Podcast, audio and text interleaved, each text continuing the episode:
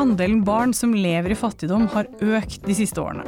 I 2019 bodde nærmere 115 000 barn under 18 år i familier med vedvarende lavinntekt. Det er 11,7% av alle barn i Norge. Men hva innebærer egentlig barnefattigdom? Hvilke konsekvenser har det for de barna det gjelder? Og ikke minst, hvilke tiltak fungerer? I studio i dag er Henrik Sakrisson, professor ved Institutt for spesialpedagogikk ved Universitetet i Oslo. Hei. Hei. Og Ivar Frønes, seniorforsker ved Nasjonalt utviklingssenter for barn og unge, NUBU, og professor emeritus i sosiologi ved Universitetet i Oslo. Hei. Du hører nå på Universitetsplassen, som er en podkast fra Universitetet i Oslo, og mitt navn er Elise Koppang Frøyd. Og begge dere har jo forsket på barnefattigdom med ulike metoder og fra litt ulike faglige innfallsvinkler. Og i dag så har vi samlet dere her da, for å snakke om nettopp barnefattigdom. Og da må jeg spørre dere aller først, altså når vi snakker om barnefattigdom, hva betyr egentlig det? Altså hvordan defineres det? Ja, der er det jo litt ulike definisjoner etter hvem du spør, men det vanlige er at man snakker om såkalt vedvarende lavinntekt. Og det er 60% av medianinntektene, som det heter, og medianinntekten det er, hvis du satte alle inntektene etter hverandre, så er det den i midten. Det blir i Norge nå ca. en halv million i året etter skatt. For vi er et ganske velstående land, så denne vedvarende lavinntekt, som er en relativt mål, det kommer jo ganske høyt opp. Det finnes andre måter å gjøre det på. Forbruksforskningsinstituttene har undersøkelser hvor de undersøker hvor mange som mangler noe. Da får du en lavere andel fattige, men til gjengjeld så ser du at ja, her er det en god del barn som mangler ting som er ganske, som er ganske viktig for barn å ha. Og så er det andre måter igjen, når man sier ja, men hva har foreldrene av ressurser? De, ja, hva, hvordan kan de hjelpe barna? Og dette forteller at barnefattigdom det er ikke så enkelt at det bare kan beregnes i kroner og øre. For vi vet også at en stor andel av de som har lav inntekt, de har lav inntekt fordi at de ikke har arbeid. Altså De er utenfor yrkeslivet, de er i mindre grad sosialintegrert. Og det er å få tak i hva betyr denne dynamikken her for barna, som er viktig skal vi skjønne barnefattigdom. Mm. Og da tenkte jeg å spørre deg, Henrik, om, kan du komme noen eksempler på hvordan barnefattigdom gir utslag for det enkelte barnet? Eh, barnefattigdom gir utslag på flere nivåer. Det vi ser på et sånn overordnet eh, nivå fra statistikken vår, er jo at eh, barn fra lavinntektsfamilier eller fattige familier i gjennomsnitt gjør det dårligere på skolen. F.eks. så ser vi eh, i nasjonale prøver hvor det er noe som heter nivå 1, som f.eks. i lesing i åttende klasse betyr at elevene strever med å lese en avisartikkel og forstå den. Blant de barna med, fra de fattigste familiene så er det omtrent 20% av alle de barna som ligger på nivå 1, mens blant de rikeste familiene så er det 3-4% Vi vet også at barnefattigdom har konsekvenser for psykisk helse. Voksne for barn kom med en rapport for en måneds tid siden som hadde undersøkt psykisk helse også under koronaen blant eh, barnefamilier, og viser høye nivåer der. Det vi vet fra mer systematisk forskning, er eh, f.eks. en studie fra Bergen for 15 eh, år siden, hvor 30% av de barna med lavest inntekt hadde en diagnostiserbar psykisk lidelse ved åtte års alder. Blant de mer velstående, eh, barna fra de mer velstående familiene så var det 4 Oi, det så kom, det 30 30 Det kom en artikkel i går fra en gruppe forskere på Folkehelseinstituttet som hadde sett på kontakt med helsevesenet, altså sett på pasientregisteret og fant at blant de med lavest inntekt, så var det 16% som hadde en eller annen registrering for en psyk eh, psykisk lidelse. 5-17-åringer, eh, altså barn mellom 5 og 17, mens det var 3-4% blant de rikere. Så det har blant de målbare konsekvensene. Vi har også grunn til å tro at fattigdom påvirker det som skjer i familier. altså hvordan, I hvert fall en del familier, hvor vi ser at det å leve under økonomisk knapphet kan føre til mer konflikter blant foreldrene. Kan påvirke oppdragerstil, som igjen kan påvirke barn. Så det, det å leve under økonomisk stress kan bidra til et mer belastet hjemmemiljø. I tillegg så vet vi jo bl.a. fra eh, rapporter fra Voksne for barn, hvor barn blir intervjuet om å leve eh, i en familie som har lite ressurser. Og hvor de beskriver utenforskap, ensomhet, det å ikke kunne gå i bursdager, ikke kunne ha bursdager, ikke ville ha med venner hjem, ikke kunne delta på fritidsaktiviteter. Og i noen tilfeller også eh, spare kveldsmaten så man har lunsj på skolen neste dag, altså en matknapphet. Så dette, det har gjennomgripende konsekvenser for mange barn som vokser opp eh, i lavinntektsfamilier. Men det er også selvfølgelig viktig å si at det gjelder jo ikke alle. Foreldre har forskjellige måter å håndtere dette på, og noen foreldre er veldig uaffisert av deres økonomiske situasjon og er, gjør alt det beste for barna eh, med de ressursene de har. Men at vi ser en statistisk overrepresentasjon av et bredt spekter av vansker blant disse barna, det er helt sikkert. Og at for det enkelte barnet som opplever det, så er utenforskap en veldig viktig del av det. Mm.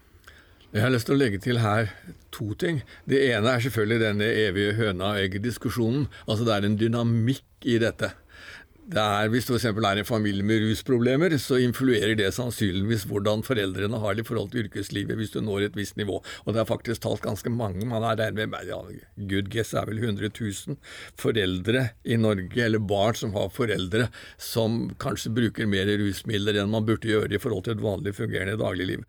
Og Det betyr nettopp at det som vi sa vel diskutere etter hvert, hvilken type tiltak, hva kan man gjøre for å hjelpe barna? For det er to forhold her. Det ene er at det er et veldig krevende samfunn vi lever i. Ikke sant? Du skal kunne mye. Altså, Vi snakker om frafall på videregående. Det er en fordel å være en litt eldre person. Jeg husker godt at frafall ikke var funnet opp. Vi hadde ikke funnet opp lavterskeltilbud engang, for det var på en måte lavterskel inngang til det meste. Så et krevende samfunn skaper også mulige, nye muligheter for utenforskap. Og dette utenforskapet er ikke bare et individuelt problem for en del barn, det er faktisk et helt vesentlig samfunnsproblem. Og det diskuteres nå i alle europeiske land, hvis vi holder oss til Europa. Altså hva bidrar utenforskapet til av mulig politisk ustabilitet, av kostnader ved at det er veldig mange som ikke er i yrkeslivet? Alt dette her er, lager en dynamikk som er egentlig politisk opp, og mulig jeg er en litt pessimistisk sosiolog, men jeg tror det er veldig viktig å skape sosial integrasjon. Og ungene er liksom grunn, altså ungenes utvikling er grunnlaget for, for, for denne sosiale integrasjonen og bekjempelse av utenforskap. Mm. Hvis jeg får legge til også til det Ivar nevner, så du var jo også inne på det i sted, Ivar, når vi skal definere barnefattigdom, så eh, ja, gjør vi det ofte når vi snakker om det, eh, til et mål om families inntekt. Men den konstellasjonen av familieliv, med knapphet på ressurser, være seg psykologisk eller økonomisk, være seg psykiske vansker, rusproblemer, boligproblemer, det er jo den konstellasjonen som barna vokser opp i, og som er med å skape de forskjellene vi ser. Men som også gjør at det er forferdelig vanskelig å forske på. Altså finne årsakssammenhenger, finne tiltak som virker, fordi kompleksiteten i den virkeligheten barn vokser opp i, er veldig stor. Mm. Men bare spørre dere, altså, da, er det sånn at konsekvensene er større for den gruppen barn som lever da i familier med vedvarende lavinntekt i dag i forhold til tidligere, eller er det også like vanskelig å svare på? Ja, altså, Nå er jo vedvarende lavinntekt Hvis vi går tilbake litt i tid, så var ikke det akkurat et begrep som var funnet opp, Nei. for å si det sånn. Og vi skal huske på at flesteparten av de som er i denne vedvarende lavinntektkategorien, det har vi også studier av, er ikke stort forskjellig fra de aller fleste. Men så har vi også en del som ikke er i vedvarende lavinntektkategorien, men som er i det Henrik snakka om nå, nettopp i denne, hva skal vi kalle det, fattigdomskategorien. Og det som jeg sa, som jeg tror er litt spesielt, det er dette at det er så store krav. Mm. Altså, Hvis du går tilbake til 50-tallet Jeg har en ganske morsom historie der. Det var han som vant det første norgesmesterskapet i rock. Han hadde litt problemer med engelsk. For det han som han sa da han gikk på skolen på 50-tallet, så kunne han velge mellom engelsk og sløyd. Og han valgte sløyd. Altså, Dette var et samfunn hvor det var veldig lett å få en plass. Og det er det ikke lenger. Mm. Det er masse muligheter, og undersiden av mulighetene er da selvfølgelig risiko. Og denne risikosituasjonen gjør at barns utvikling på en måte er et politisk tema på en helt annen måte enn det var i det vi kan kalle det gamle industrisamfunnet, eller hva vi vil kalle det. Mm. Og Det tror jeg vi skal være veldig oppmerksom på, for det er, det er liksom ikke seget helt inn i politikken at dette er ikke bare sånn bedring av familiepolitikk, dette handler om samfunnsmessig utvikling. Mm. Og du Ivar, du har jo også vært opptatt av begrepet utviklingsfattigdom. Ja, og det ligger jo tett til det som Henrik snakka om nå. Altså, hvis vi skal forsøke å definere fattigdom for barn, og Vi kan da se det i forhold til f.eks. For Barnekonvensjonen, jeg tror det er paragraf 28, det spiller mindre rolle, som gir barn rett til å utvikle sine potensialer. Det står til og med så mye som altså 'to the fullest'. Og dette handler jo om da at eh, hvis du blir forhindra i din utvikling av et eller annet, og hvis det er store bremser i forhold til den utviklingsmulighetene du har, hvis du starter opp en skole hvor du ikke kan språk, hvis du mangler en del av de tingene som er nødvendige, nevnte fritidsaktivitet altså, da kan dette bremse opp utviklinga, eller det kan bidra til at utviklinga ikke stimuleres. Og dette er ting som er forska veldig mye på. Og som sikkert Henrik kan legge til veldig mye. Hva, altså, hva er mekanismen i utviklingsfattigdommen? Fordi at skal vi da bidra til en bedre utvikling, så må vi ha tiltak som faktisk da stimulerer til utvikling. Og da er økonomi et av dem noen ganger, men det er veldig mye mer som trengs. Ja, hvis vi kan måte spole litt frem fra det der, altså, samfunnsstrukturutvikling til bare å se på de siste knappe 15 årene, så er det en eh, kollega av meg, Astrid Sandsør, eh, som jobber med et, en artikkel nå hvor vi ser på forskjellen i resultat på nasjonale prøver mellom de barna som ligger på 10% på inntektsskalaen, og 90% på inntektsskalaen, eller hvor foreldrene ligger på 10. og 90. persentilen, som vi sier. Og det vi ser, er på tvers av matematikk og lesing, og på tvers av klassetrinn, så har den forskjellen økt fra 2007 og nå frem til 2018, som er de nyeste dataene vi har tilgjengelig. Så forskjellen har økt med omtrent fra f.eks. for, for femteklasse regning, så var det 60% som vi måler i standardavvik, 60% er standardavvik tilbake i 2007, og det har økt til nesten 70% nå i 2018. Ok, eh, jeg, jeg bare prøver å henge med. Altså når du da mm. sier 10 da er det de 10% som har lavest inntekt, ja. mot da de som har, ligger på 90% og oppover. Yes. Og det du sier er at prestasjonene mellom de to gruppene forskjellen i testscorer har økt. Ja, så de som er blant de laveste, eller de som har, vokser opp med dårligst råd, ja. gjør det vesentlig dårligere nå enn de som vokser opp med veldig mye penger? De gjør det dårligere. Ja. Uh, gjennomsnitt, ja. men forskjellen har økt. Ja. Altså de, og det som skjer, ser ut til å være at det er de fattige som bakker under. Det er ikke de rike som stikker av, men det er de fattigste, fattigste skal vi si, som gjør det dårligere. Og vi har forsøkt å se om dette skyldes uh, at det har vært en økende andel innvandrere, eh, f.eks. Så uansett hvordan vi på en måte tar høyde for det, så ser vi at denne forskjellen øker. Ja, og den er også, den øker på tvers av skoleårene. Altså sånn at Den er mindre i 5. klasse enn i 8. klasse, og mindre i 8. klasse enn er når barna går ut med avgangskarakter i 10. klasse. Ja, Det er jo en del sånne eh, paradokser her, på en måte. Hvis vi ser på forholdet mellom gener og, og, og utvikling, så er det en del som tror at i det øyeblikket man begynner å tenke gener og sånn, da er det, bestemmer jo det alt. Og det gjør du aldeles ikke. Jo flere muligheter du har, jo sterkere vil utgangspunktet ditt influere hvordan du utvikler deg. Og En del studier indikerer f.eks. Jeg, jeg syns dette er litt sånn morsomt for sosiologer, det er en del som ikke syns det er det, kanskje. Det er at uh, den genetiske bakgrunn ser ut til å ha større betydning når du er 50 enn når du er 30. Altså for din karriere. Og det er aldeles ikke forunderlig, for det er bakgrunnen som da setter i gang gode og dårlige spiraler. Og dette er sånn nobelprisvinner Heckman, økonom riktignok, sier, altså at det er disse her God utvikling skaper god utvikling, dårlig utvikling skaper dårlig utvikling, og disse her spiralene som er dokumentert på så veldig mange måter. Og dette at man nå f.eks. i psykologien er veldig fokusert på selvkontroll, evne til selvregulering og sånn, dette er jo det moderne kompetansesamfunnet. Du behøver ikke noe evne til selvregulering hvis du jobba hos Henry Ford med samlebåndet. Du måtte ha en, viss evne til å tenke at det var et annet sted, kanskje. Jeg har sittet i sånne samlebånd. Så denne kombinasjonen av mulighet og risiko, som setter i gang en mengde psykologiske utviklingsmekanismer, den er veldig komplisert da, å få satt inn tiltak i forhold til. Men da er det jo sånn at man faktisk vet veldig mye mer om dette her enn man gjorde for noen tiår siden. altså, Og enda kortere tid. Ja, for det var det Oppfølgingsspørsmålet blir jo liksom om dere kan si noe da om hva, hvilke tiltak vet man eventuelt at fungerer? For du skisserte jo Henrik at det er veldig mange forskjellige ting det er snakk om her. Og jeg har forstått at det også gjør det vanskelig å forske på det. Du nikker. Det er vanskelig å forske på det, og, og jeg tenker noe av den, det dilemmaet som vi fremdeles strever med, som, som Ivar er inne på, er jo det, hva er det som er seleksjon? Altså hvem er det som det kommer, blir fattige fordi de mangler evner og ressurser og kapasiteter? Uansett hvem som er i den situasjonen, hvor mye er det den situasjonen skaper disse forskjellene vi ser. Men tiltak er jo et uh, nær sagt mangslunget tema her. Vil du starte å si noe om det, Ivar? Jeg tenkte bare skulle nevne det først vi snakka om litt før vi starta opp. Det er jo Noen ganger så får vi det som kalles naturlig eksperiment. Da blir, da blir forskere veldig glad. Det skjer noe i verden man kan gå ut og følge.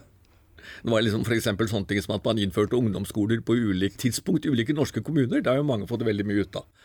Og det er jo dette som man har i en del land, hvor amerikanere har særlig noen studier. Eller det vil si, det er ikke da studier, det er loddtrekning av hvem som får lov til å flytte til gode miljø. Av folk som bor i mindre jo eller fattige miljø. I USA? Ja. ja. Og ja, Det finnes også i andre land, ja. veldig mange steder for så vidt. Men altså her er, var det slik at det var mulig å følge. det. Men det som er interessant fra vårt synspunkt, syns jeg, det er at eh, det hadde særlig effekt, eller det hadde vel egentlig bare effekt, hvis du flytta som ung, altså som treåring. Hvis du flytta som 13-åring og bare fikk masse penger, så hadde ikke det noe effekt. Og da ser vi at eh, ja, det er masse ting som spiller sammen, men dette å komme da inn i et nytt og bedre miljø, hvor det var ren flaks hvem som endte hvor, det hadde faktisk en betydning. Slik at vi må, må da strekke oss helt fra sånn nabolagseffekter til det genetisk-sosiale samspill. Det betyr ikke at det er umulig å lage tiltak.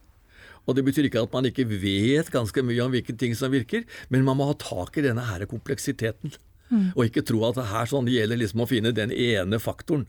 For den er ikke der. Og nabolagseffekter, det handler om hvordan nabolaget påvirker deg? Positivt og negativt, eller? Ja, som læringsmiljø. Sosiologer ville snakke sånn normativ, som hvilke forventninger du har. Vi skal huske på, Hvis vi ser på ulike etniske grupper, eh, hvordan de gjør det på skolen, så er det omtrent hele verden så gjør, så gjør kinesere det best.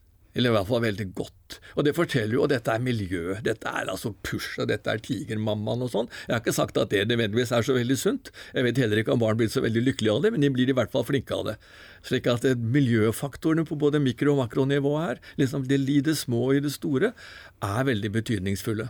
Men så er det da hvordan vi skal trenge inn i dette. Og det er jo særlig du, Henrik, av oss som har jobba mest med hva, hva kan vi bruke barnehagen til i denne sammenhengen. Jeg har vært veldig opptatt av barnehagen som en eh, Sikkert en av veldig mange måter å tenke intervensjon på. For jeg tenker overordnet, som, som Ivar er inne på, så et veldig mangslungent problem med litt til dels ukjente årsaker trenger at vi, vi, tenker tiltak på mange nivåer. Men når det gjelder barnehagen, så var vi jo heldige og fikk et naturlig eksperiment ja. i fanget. Fordi det var en så voldsom barnehageutbygging på eh, 2000-tallet i Norge hvor for ett toåringer så økte barnehagedekningen i Norge fra rundt 30% tidlig på 2000-tallet til nesten 80% på slutten. Og det har vi eh, studert effekten og jobber fortsatt med. Og ser at for barn fra lavinntektsfamilier så hadde dette en positiv effekt. Altså de barna som kom i barnehagen pga. denne barnehageutbyggingen, de hadde bedre språkutvikling i eh, barnehagealder. Og vi har nå forskning som er underveis, men hvor det ser ut som om vi også ser positive effekter på nasjonale prøver i 5. klasse. Eh, men at den effekten stort sett er lokalisert til eh, barn fra eh, lavinntektsfamilier og familier hvor foreldrene har veldig lav utdannelse. Så vi tenker jo at barnehagen på en måte fungerer som en kompensasjon. Altså den gruppen barn vi snakker om her, har i gjennomsnitt mindre ressurser med seg fra familien. Og barnehagen gir noe, uten at vi kan si akkurat hva. Så gir barnehagen noe som fyller på og gjør at de barna har gevinst av å gå der. Og, det, og man vet ikke hva det er? Det å forstå hva som er Vi snakker jo om de aktive ingrediensene i barnehagen. Og det er et forferdelig komplisert tema. Og jo mer vi lærer, jo vanskeligere er det egentlig å skjønne hva det er. Så det er Jeg kan godt tenke meg at kollegaer som jobber med barnehage der ute, kan være uenige med meg i den påstanden. Men vi har ikke klart å identifisere på en måte hva er det som faktisk gjør at barnehagen blir dette miljøet. Er det det at du er sammen med andre barn, og i en, den typen barnehage vi har i Norge, at det er barn fra forskjellige miljøer som kommer sammen? Er det det som driver det? Er det pedagogikken? Er det leken? Jeg kan ikke si at vi skal gjøre mer av det og mindre av det i en norsk barnehage, for vi ser at barnehagen fungerer. Men vi, jeg tror ikke vi har klart å identifisere og engang måle de der aktive ingrediensene. Så vi har en utfordring og blir ikke arbeidsledige med det første. Men, og dette gjelder også i flere land? Altså, Absolutt. Ja. Så Norge har jo en lek- og barnefokusert barnehagepedagogikk, i motsetning til andre land som i større grad behandler barnehage som en form for tidlig skole. Men i den grad vi kan generalisere si, den kompenserende effekten av barnehage på tvers av land, så ser det ikke ut som om den er større i land som har en type pedagogisk tradisjon versus en annen. Dette er jo resultater som vi finner på tvers av land, fra Frankrike og Tyskland, Nederland, England, USA, Australia. Så, så det at barn relativt tidlig kommer i et miljø som gir dem mye godt, det eh, ser vi helt klart er ett av sannsynligvis ganske mange tiltak som vi må tenke på for å redusere de forskjellene vi ser, i hvert fall. Men det går vel an å si at barnehagen er en sånn kommunikasjonsmessig treningsarena?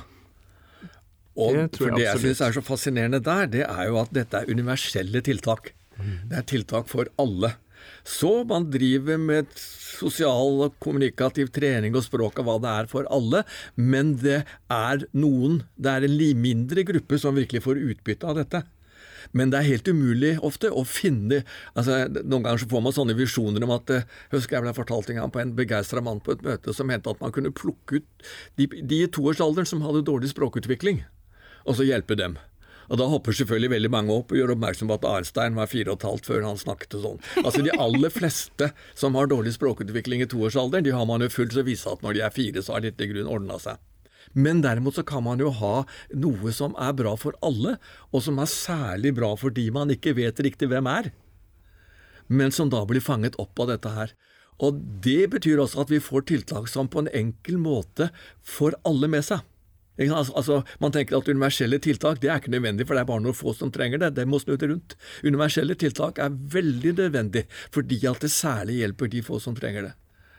Så må vi selvfølgelig også tenke på norsk skolesystem. Vi er veldig dårlige med å komme inn tidlig. Så har vi ikke begynt å diskutere det nå, men det er klart, der har man noe man ser noen elever ligger etter, og så får du noe hjelp for det og det og det. Men akkurat barnehagen synes jeg har Det er selve formen på dette. Universelle tiltak som særlig støtter noen. Og det er kanskje grunnen til at foreldre faktisk talt over hele verden er veldig fornøyd med barnehagen. De er veldig ofte ikke fornøyd med skolen. Jeg satt en gang sammen med masse kolleger for ganske lenge siden fra veldig forskjellige land, og alle sa at folk var rimelig fornøyd med barnehagen. Og de har vært rimelig misfornøyd med mye ved skolen, særlig hvis de selvfølgelig er veldig skoleorienterte og skal ha flinke barn osv. Så, barnehagen er nok et av de grunnleggende tiltakene her. Men som Henrik sier, da må vi også ha tak i hva er det ved barnehagen? For da må barne, det er jo ikke alle barnehager som virker på samme måten. Det er ikke slik at bare bygge en barnehage, så blir barn veldig dyktige av å gå inn der. Så det er hvilke mekanismer i barnehagen, og hvordan ha et personal, hvordan, ha, ja, hvordan få dette til. Og det er jo en enorm oppgave, og da er det klart, da er det mye som forskning ja, må søke å finne ut av hva er mekanismene i dette her sånn.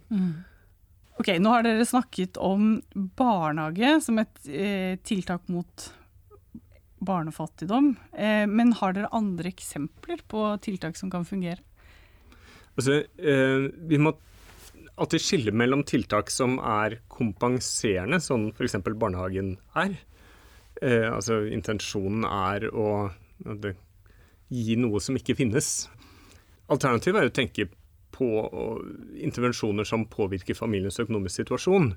Og som Ivar var inne på, altså, det er klart det å være i jobb for foreldre, det har jo en økonomisk dimensjon, og det har en sosial dimensjon. som eh, vi har grunn til å tro, i hvert fall, forplanter seg over i positiv effekt for barna. Barnetrygden i Norge den har stått stille i 20 år, og ikke engang prisindeksjustert, eller om det er 20 år eller 15 år, men veldig lenge. Og hvis vi liksom ser ut av Norge og på Amerika, så skjer jo det akkurat nå as we speak at Biden-administrasjonen innfører en universell barnetrygd på 300 dollar per barn for de aller, aller fleste familier. Og det tiltaket ble tatt ut av en veldig veldig omfattende empirisk rapport. Noen av de fremste forskerne i Amerika som forsøkte å undersøke hvordan kan vi redusere barnefattigdommen eh, med 50 Og deres eh, mest ekspansive forslag var en barnetrygd, universell barnetrygd på 300 dollar per barn. Og det var det Biden-administrasjonen tok inn i sitt budsjett. Så for barnefamilier så kommer, jeg vet ikke om det er 1. eller 15. juni, som kommer til å bli en eh, markant endring i deres liv, i hvert fall for de familiene som har lite penger. Spørsmålet er jo om barnetrygden er riktig vei å gå i Norge, og det vet jeg ikke. Det, altså, det henger jo sammen med nivået på dette. Altså, vi har jo hatt, og Det skjedde jo etter at eh, Clinton var veldig opptatt av arbeidslinja, ville vel hett på norsk. og Det førte til at flere f.eks. enslige mødre kom i arbeid, men de ble jo forferdelig stressa av å kjøre buss fram og tilbake i de forskjellige by... Altså, det ble et veldig stressfullt liv for en del. Og, men vi skal huske på at 300 dollar det er jo langt under 7500 kroner, som er vår kontantstøtte. Og hvor diskusjonene nettopp går på mulig isolasjon og osv., som vi kjenner veldig godt. Så det er denne kombinasjonen av å finne enkle støtteordninger og prinsipper som vi samtidig ut fra forskning vet at dette ser ut til å fungere rimelig greit. For eksempel så vil jeg si at er, vi har en 4-5-6% av ungene som aldri går i barnehage, og det er de som absolutt burde gått der. Så kanskje det forslaget som enkelte har kommet med, obligatorisk barnehage fra du er fire år, som da selvfølgelig også må være gratis, fordi at det er veldig enkelt og veldig Eller vi kan være, som andre har tenkt på, det har Henrik mer peiling på enn meg, fins det andre typer tiltak hvor vi kan komme inn tidligere? Og lage nærmest kontrakter med foreldre, at vi gjør det slik og slik? Altså jeg har et forslag som er inspirert av uh, Oslo kommunes historien om Tim. Hvor tanken er at i dag så har vi et system for barnehage hvor man søker. Og for meg så var den søknadsprosessen ikke helt enkel. Eh, med mine tre barn. Så hvis man kanskje ikke snakker språket veldig godt, eller har litt vansker med skjemaer og sånn, så er det der å få en barnehageplass ikke helt enkelt. Så historien om Tim, det er Oslo kommunes fremtidsversjon, foreslår at når man er på ultralyd, gravid og på ultralyd, så går det en beskjed til kommunen om at her trengs en barnehageplass om halvannet år. Og så begynner kommunen å liksom dimensjonere tilbudet etter, etter den kommende etterspørselen. Og så når du er et halvt, barnet er et halvt år gammel, så får man en tekstmelding og sier du har en barnehageplass her. Vil du ha den? Selvfølgelig en tekstmelding på et språk man forstår. Og så kan du si nei, jeg vil ikke ha den nå, eller jeg vil velge en annen barnehage. Og så får du en ny tekstmelding senere. Men at du rett og slett endrer på en måte valgarkitekturen inn i barnehage, fra å være noe du må anstrenge deg for å få til, til å være noe som bare ligger der, så er det lettere å gjøre det valget. Og det sammen med viktige, flotte tiltak som foregår i mange bydeler her i Oslo, med Bydelsmødrene f.eks., som er en frivillig organisasjon som henvender seg til mødre og er på en måte en del av deres kultur, eh, slik at, at de har tillit og forstår konteksten. Men også er veldig eksplisitte på at de, de fremsnakker ideen om at barn kan gå i barnehage og sånne ting. Altså jeg tenker den eh, obligatoriske eller ikke obligatorisk, det at barnehagen for en del av de det gjelder, ufarliggjøres, men også at det blir lett å velge. Tror jeg kan være en eh, nyttig og viktig vei til akkurat det. Og jeg tror også kanskje er, det er litt sånn typisk sosiologisk tankegang. Det er å institusjonalisere ting. Det er det du illustrerer nå. At det er veldig enkelt. Det går av seg sjøl, det går sånn og sånn. Og vi vet f.eks. at det er en del barn som ikke kan delta i de aktivitetene de ønsker. Jeg er helt sikker på at det er mange som mangler en del småting hjemme, men de har svært farge-TV. Men kulør-TV spiller veldig liten rolle for barns utvikling, i hvert fall i, denne, i positiv hensikt. Så å få ordninger som gjør at du kan låne, leie en rekke ting gratis. Mm. Og at dette blir et sånn institusjonelt system, så alle vet at ja, nei, riktignok så kommer ingen til å kjøpe skøyter til meg, for det er ikke sikkert de nærmest skjønner hva det er, men det kan jeg gå og få her og her. Fordi at det er tross alt vi foreldre. Jeg for eksempel er veldig lite sportsinteressert, så jeg må, liksom, jeg må hoppe litt opp og finne ut hva, hvordan skal jeg finne tak i dette. Og sånne ordninger, som er utvikla i mange kommuner, deler av Oslo, men de har ennå ikke fått dette nivået at de på en måte flyter som en sånn selvsagt ting. Og Samme som Henrik nevnte nå, jo, dette er noe du har kommet sånn og sånn, da kommer det og det. Og det tror jeg er en oppgave i politikken. Det er å liksom smelte sammen politikk og administrasjon. Det er på en måte politikkens håndverk. Det er å få til det der, og ikke bare visjonene som kan være viktige nok.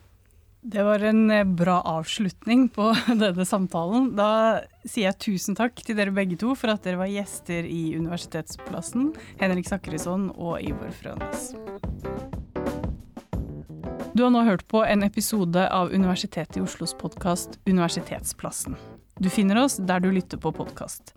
Mitt navn er Elise Koppang Frøyd. Takk for nå. Vi høres.